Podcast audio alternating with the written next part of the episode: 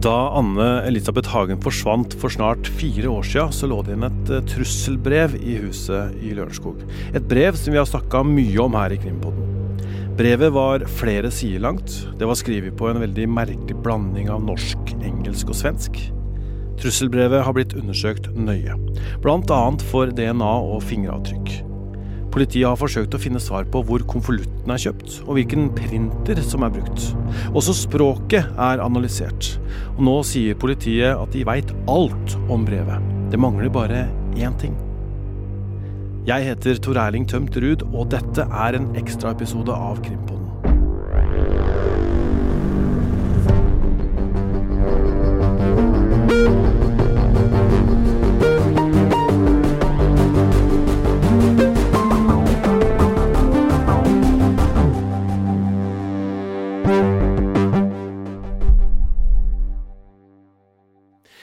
Ja, for det er enda en ny utvikling i Lørenskog-saken. Det handler om brevet som Tom Hagen sier at han fant på en stol da han kom hjem i huset sitt og ikke fant kona si hjemme.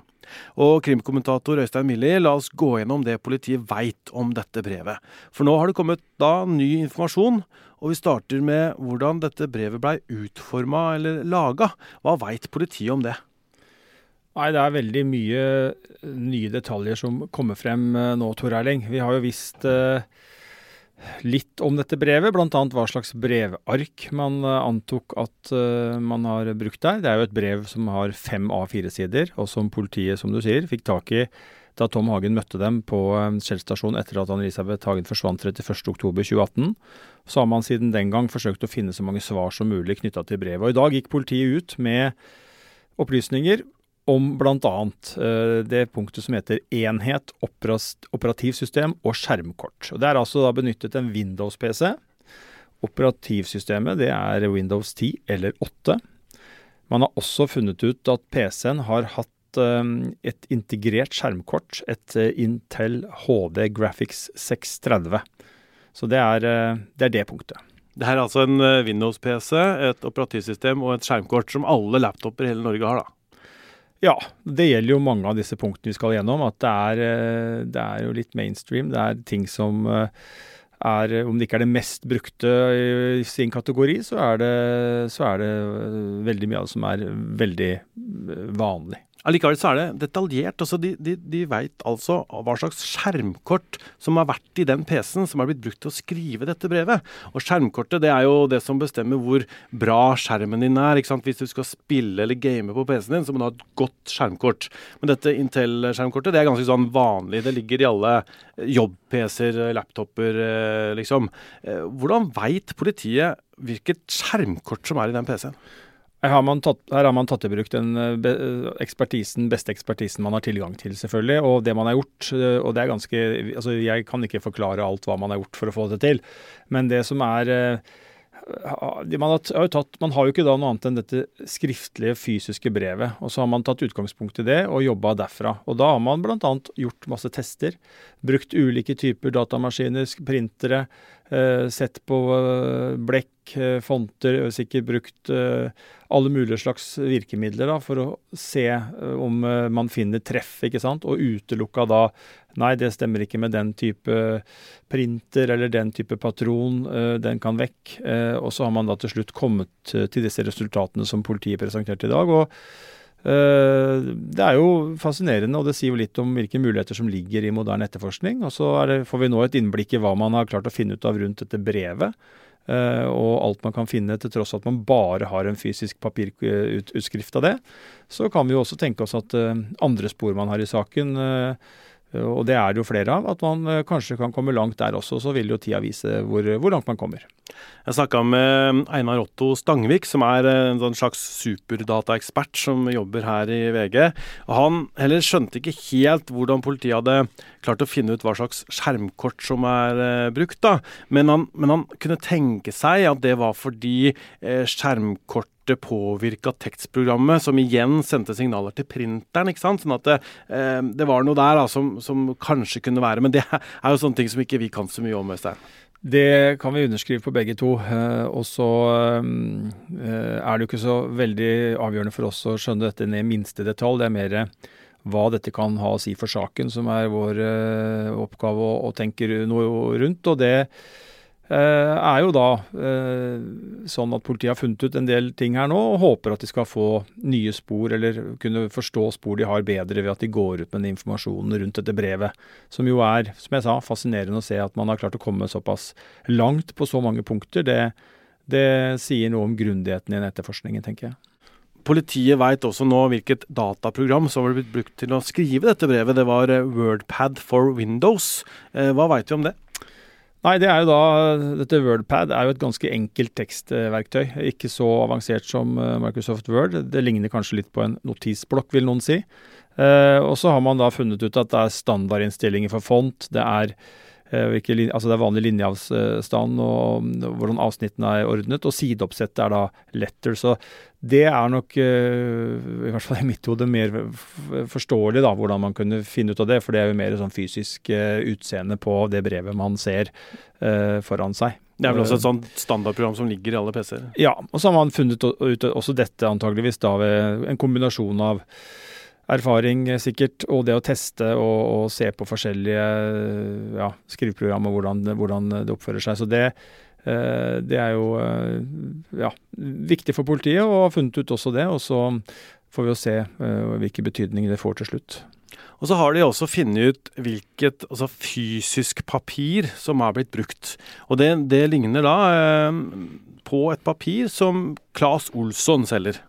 Ja, og da har man jo tatt Da går det på, på å si struktur i papiret. Hva slags For der er det sånn at man lager papir, så blir det ulike, helt sikkert blandinger og ulike altså, det ser, Et ark ser hvitt ut for oss og helt likt ut, men når du går inn i det og ser grundig på det, så er det helt sikkert forskjeller på det. Ut fra produsent fra produsent til produsent. Um, og det er vel det man har gjort. Uh, og, og, dette er et A4-ark uten hull, eller ikke ett, det er fem. Uh, og man har produsert i Portugal, uh, og som vi er inne på, så, og det har vært kjent før, så selges denne typen hos Claes Olsson. og så er politiet litt forbeholdne her, fordi at det finnes altså da papirtyper med lignende egenskaper, og det er kanskje da i tråd med det jeg akkurat sa, at man det blir sikkert ganske likt, da, hvis kan jeg tenke. I hvert fall på noen fabrikanter så vil jo det å lage papir sikkert bli ganske likt. Og så spørs det om hvor mye unikt det er fra sted til sted, eller fabrikk til fabrikk. Øh, om det er nok til å kunne klare å si med sikkerhet at det er lagd på fabrikk A, mens det er lagd på fabrikk B. Så det kan hende at det er det som er det lille usikkerhetsmomentet. Og så har vi dette med printeren som er blitt brukt. Og, og vi har jo vært borti printer i krimsaker før, bl.a. i Bertheussen-saken. Der blei printeren et sentralt tema. Eh, for der så mente jo aktor at uh, Laila Bertheussen uh, kjøpte en egen printer for å lage disse trusselbrevene, nettopp for at hun ikke da kunne kobles til denne printeren. Men også her så er da en printer viktig. Ja, klart finner man eh, altså Hvis man har funnet printeren som brevet er printa ut på, så kunne man jo vært direkte hos en gjerningsperson hvis man kunne knytte en person til den printeren. Så enkelt er det jo, men også selvfølgelig så vanskelig, fordi at man så vidt man vet, så har man jo ikke tak i noen printer som man mener er brukt. Men man vet en del eh, da om type og hvilke type fargepatroner. Man mener at det er mest sannsynlig brukt en blekkprinter fra Hewlett Packard, en HP-printer, eh, på folkemunne kanskje. Eh, og at eh, det er da én eh, av to typer patroner som er brukt. ene muligheten er en HP302. Andre muligheten er en HP304 fargepatron.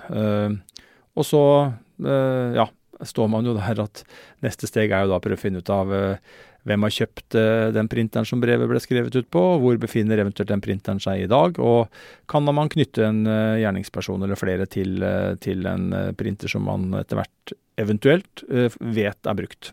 Det som man kan si rundt det, er vel at en blekkprinter er vel oftere å finne i hjem, altså hjemme, istedenfor på en måte Her på jobben så har vi laserprinter, ikke sant? Ja, jeg tror jeg har en HP-printer stående hjemme, faktisk. Jeg, jeg også har det. Så ja, det er som du sier, det er jo en litt enklere, i hvert fall min er en litt enklere printer som uh, koster uh, ja, 1000 pluss minus eller 2000 eller hva det er. Og som uh, fungerer til hjemmebruk, typisk hjemmebruk. Og så er det sikkert noen mindre bedrifter, kontorer, som også ikke printer ut så mye som vi her i VG kanskje har gjort. Og da vil det kanskje være en annen type printer, altså en sånn HP-printer. Så jeg tror politiet holder alle muligheter åpne der. og det kan, kan, jo være at altså en, en kafé eller en, en, bibliotek eller noe sånt også har det? da? Ja, det er, det er veldig mange muligheter. Og, og, man prøver jo sannsynligvis å kartlegge da salget av disse typer printere. da, Se hva man finner. ikke sant? For dette er jo sånn kryssporetterforskning dette her er en del av. Det er jo sånn det høres ut som kanskje at det er langt til mål når man hører om disse forskjellige sporene, og at det ikke er noen uh, umiddelbar løsning i noen av dem, men det er jo det å kunne se etter hvert printer, alle de tinga vi snakker om her. Bruk av falsk pass, kryptokonto, kjøp av kontantkort.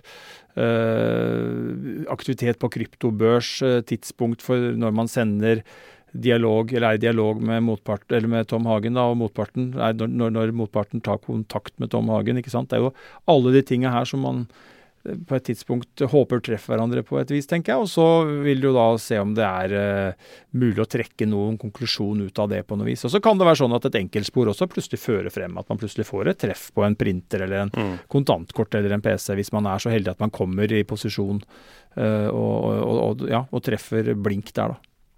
Vi har også fått uh, opplysninger om uh, den konvolutten som er uh, brukt. og Hva kan vi si om den?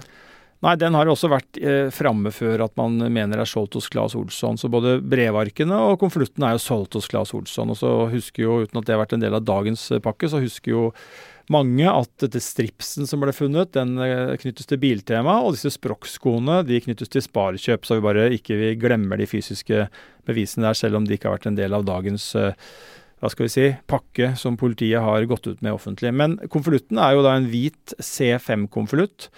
Uh, og det er jo da en sånn halv A4-side som du typisk bretter en A4-ark og putter rett oppi. Uh, også veldig vanlig konvoluttstørrelse. Produsert i Tyskland i september 2017 har man funnet ut.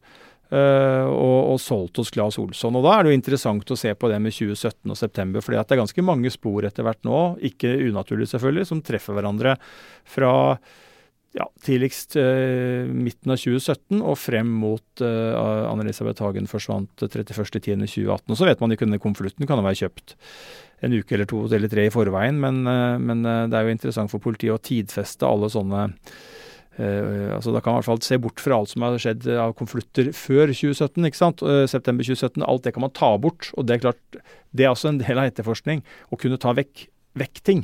Det er ikke bare å kunne få bekreftelse, men også å kunne luke vekk ting. For det gjør at du kan gå spissere på, uh, og kanskje få flere svar uh, der det faktisk uh, kan finnes et svar. Og at denne konvolutten da kan ha blitt kjøpt nettopp til dette formålet? Ja, og det er jo det man ikke vet, og det gjelder jo mange av disse tinga. Er, er eh, data, en datamaskin kjøpt for dette formålet og, og brent eller kasta en time etterpå? Er det vært på et offentlig eh, bygg og brukt det fordi at det er blitt sett på som sikrere? For det er også en risiko å kjøpe seg noe. Det kan godt hende at man tenker det er like lurt å gå inn på et bibliotek og spørre om å få printe ut noe, og at eh, ingen vil skjønne at det var akkurat du som var der eh, den gang da og skrev på PC og printa ut. Eh, og Printet gjelder det samme. ikke sant? Har man tenkt at det er lurt å kjøpe det, eller å bruke noe som andre fins, og andre, andre allerede har. Og så er det med konvolutt. Den kan jo i ytterste konsekvens så kan man ha gått et eller annet sted, et kontorbygg et sted, og sett at der ligger konvolutter. Jeg tar med meg en, eller tar med meg ti. Uh, samme gjelder kontantkort. ikke sant? Er det, er det, stjålet? Er det noe man har kjøpt? Altså, Alle disse tingene jo, sier jo litt om hvilke puslespill politiet holder på med, da, og, og, hva man prøver å finne ut av. Ja, Da veit de altså hva slags papir som er blitt brukt, og, og antageligvis da printer osv., men de veit ikke hvem som har skrevet det? Nei, det gjør det ikke. Uh, Foreløpig ikke, i hvert fall. Og det er jo det man også uh, jakter på. da, og Man har gjort analyser da, av dette, dette mm, brevet. Eh, og vi har vært innom det før. Vi har jo hatt egne språkeksperter som har sett på dette brevet, vi også. Mm. Eh, faktisk, så vidt jeg husker, så var vel det Politiet fikk jo også noen språkeksperter som pekte mot utlandet først. Og jeg tror våre språkeksperter eh, pekte på Norge før politiet hadde fått, eh, fått det på plass.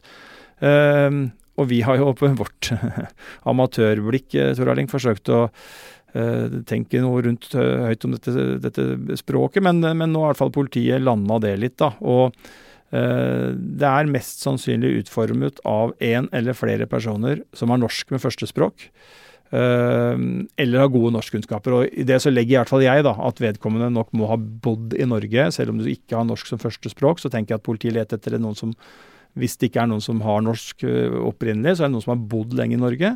Og kanskje har brukt det norske språket såpass mye at du kan, er så god at du ikke blir tatt på en uh, tekst som du skriver, som, som lærte deg å skrive norsk som seksåring, og en som har flytta til Norge i senere alder og, og, på en måte ikke hadde det fra ja, med morsmjølka, bokstavelig talt. Så det, det, er jo et veldig tydelig norsk spor. Men det har jo vært eh, Det er jo også formuleringer i det brevet som er på engelsk og på en måte litt sånn svensk. Vi har jo kalt det at det er skrevet på et slags gebrokkent norsk. Eh, hva veit man om det nå, da? Nei, politiet antar at det er villedning, manipulering, forsøk på å dekke til sporene sine, som det er på veldig mange punkter i denne saken, som man forsøkte å dekke til sporene sine. Og det kan jo hende at gjerningspersonen har visst at nettopp språkanalyser kan avsløre deg, og at du da prøver å skrive eh, på en måte som du ikke pleier å skrive, nettopp for å unngå det der at du eh, skal bli Eh, avslørt på det. Og så eh, kan det også hende at det er et selvstendig poeng å peke vekk fra, forsøke å peke vekk fra Norge, da. Det vet vi jo ikke. Eh, for man kunne jo skrive på norsk, men samtidig prøve å skrive på en måte som man ikke gjør. Og sånn sett prøve å lure politiet, men her er det da kanskje gjort begge deler. da, Både skrevet på en måte man ikke vanligvis gjør, men også lagt på dette utenlandske touchen som, som jo har vært en nøtt for politiet, i og med at man først fikk eh, eksperter som pekte i retning av at det kunne være utenlandsk. I forrige uke så snakka vi om eh, kontantkort eh, hele uka. Det var jo noe som politiet gikk ut med, og nå kommer disse opplysningene om brevet og sånne ting. Hvorfor går politiet ut med det? Det er nok flere grunner til det. Altså Disse kontantkortene var veldig konkret etterlysning. Der trengte man mer opplysninger og informasjon, og det fikk man jo også gjennom å gå ut i VG. Så kom det jo eh, tips om dette utsalgssted nummer to, som var på Grønland, hvor vi var for en uke siden, eh, du og jeg. Um, og så tror jeg det handler om, eh, og det sier Herman Hansen til oss i dag, at man ser det at når denne saken får oppmerksomhet, så kommer det tips. Det sitter folk der ute og fortsatt vet ting som politiet er interessert i å høre om, som melder seg. Eh, og så tror jeg også man ønsker å, eller det sier Hansen, at man ønsker å være åpen og vise frem litt hva politiet driver med. og eh, det er klart Denne saken er veldig veldig mange som er opptatt av. Eh, det har ofte vært lange perioder hvor det, har vært stille, og man har jo tenkt sånn hva er det politiet holder på med? Sitter de fast? Blir det ingen løsning? Og det vet vi jo fortsatt ikke noe om. Men jeg tenker at eh, For politiet det, har det vært viktig også å vise fram det man kan, og vise at vi, jo, vi jobber og vi har fremdrift og vi finner ut noe, selv om vi ikke har klart å løse den saken ennå. Du var jo hos påtaleansvarlig Gjermund Hansen tidligere i dag, Øystein, og spurte han om disse nye sporene. Hei, Vi går ut med disse opplysningene nå som en del av en statusoppdatering. Dette er jo et tema som veldig mange er opptatt av, som vi har fått en rekke spørsmål rundt. og da går vi ut nå med en samtidig orientering rundt en del eh, temaer som er viktige. Og Hvilke temaer i dette brevet er det dere nå eh, retter oppmerksomheten rundt? Det handler om eh, programvare som er brukt, det handler om hvilken type PC som er brukt, og hvilken type printer og papir og, og konvolutt som vi ser. Hvordan har dere kommet frem til disse opplysningene? Ja, Det har vært en særdeles omfattende etterforskning. Mye har vi visst lenge. Eh, vi har fortsatt å jobbe med disse temaene, og så har vi gjort en del fremskrift nå siste året. Og Hvorfor går dere ut med denne informasjonen nå? Ja, Det er en fortløpende vurdering. Som jeg sa, så har det vært veldig mye oppmerksomhet og spørsmål knytta til det. Vi ønsker jo å ha mest mulig åpenhet rundt eh, den etterforskningen. Eh, være åpne og ærlige på hvilke problemstillinger vi står ovenfor. Og så er det jo en vurdering da hva vi kan kommentere opp mot hensynet til etterforskningen. Men dere har altså da funnet ut bl.a. hva slags skjermkort det er snakk om, eh, hva slags printer sannsynligvis, eh, patroner, eh, skriveprogram. Hvor kan dette føre dere videre? Det er jo først og fremst relevant hvis vi har noe å sammenligne opp mot. Og det er klart Da er vi avhengig av å komme i kontakt med de rette personene og de rette enhetene.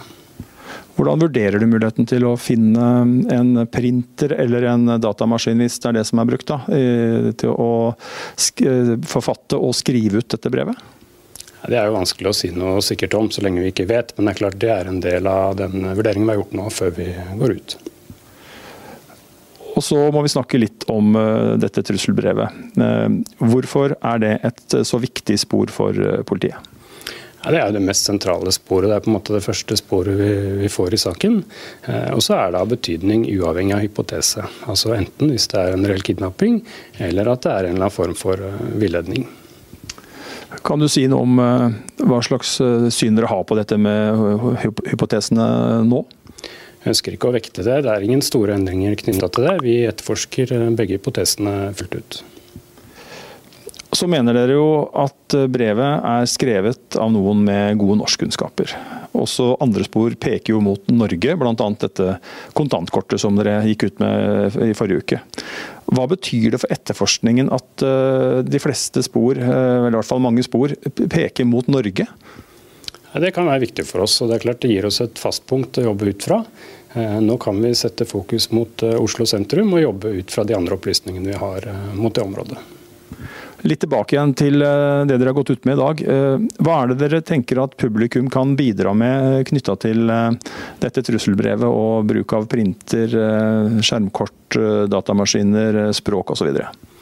Det er som jeg sa, Vi har nøkterne forventninger knytta til akkurat det. Men eh, vi har jo sett både i denne saken og i andre saker at det at det kommer oppmerksomhet rundt detaljer, eh, det kan gjøre at brikkene faller på plass for noen, og at de får et insentiv til å kontakte politiet.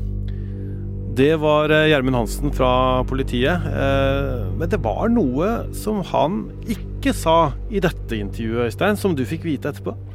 Ja, vi gjorde et intervju etter at vi gikk av lufta.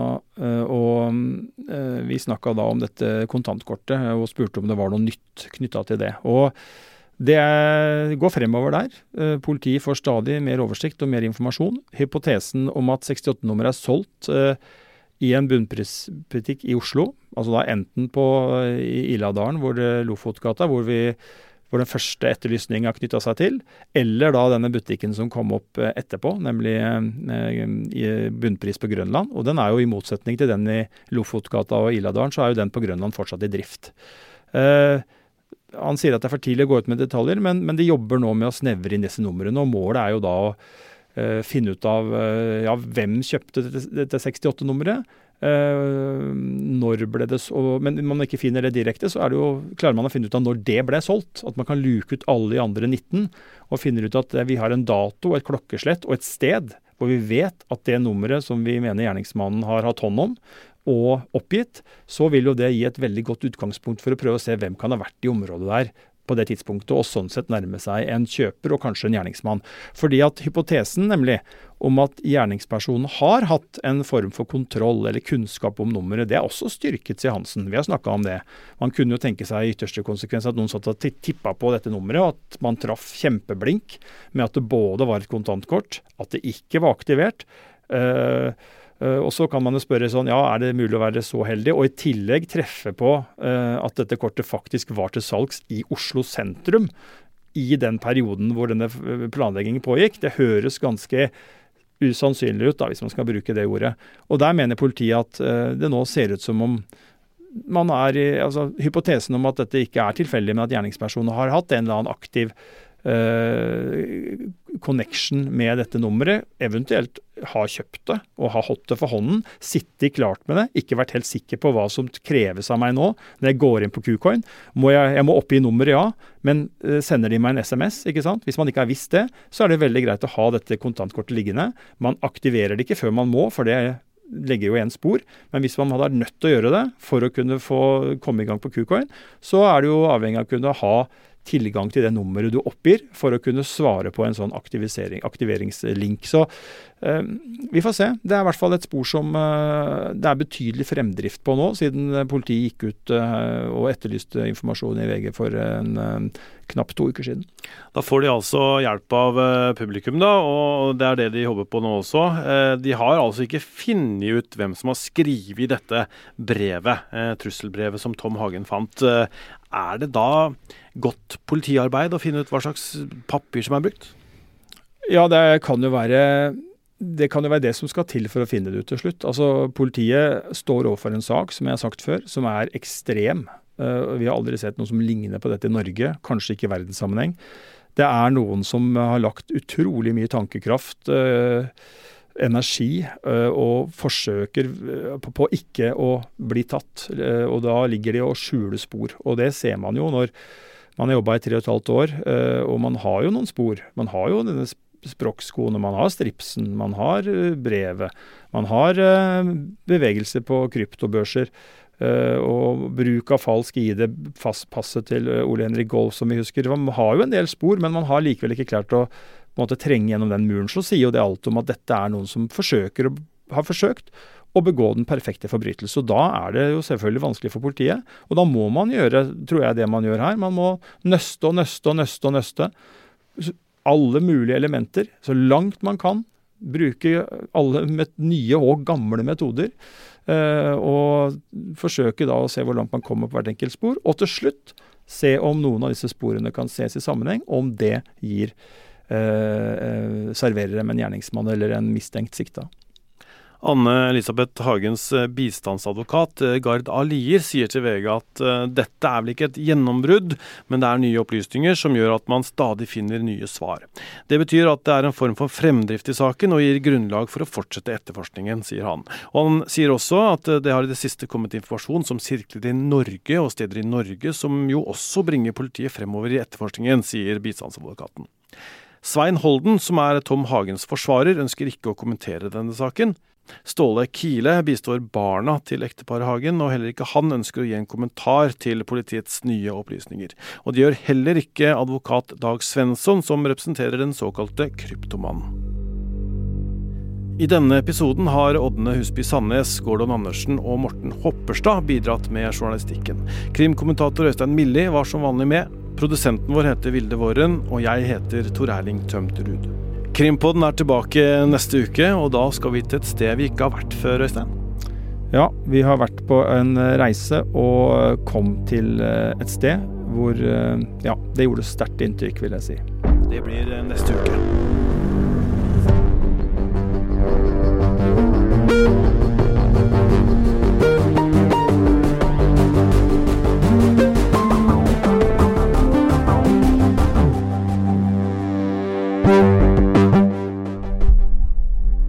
Du har hørt en podkast fra VG.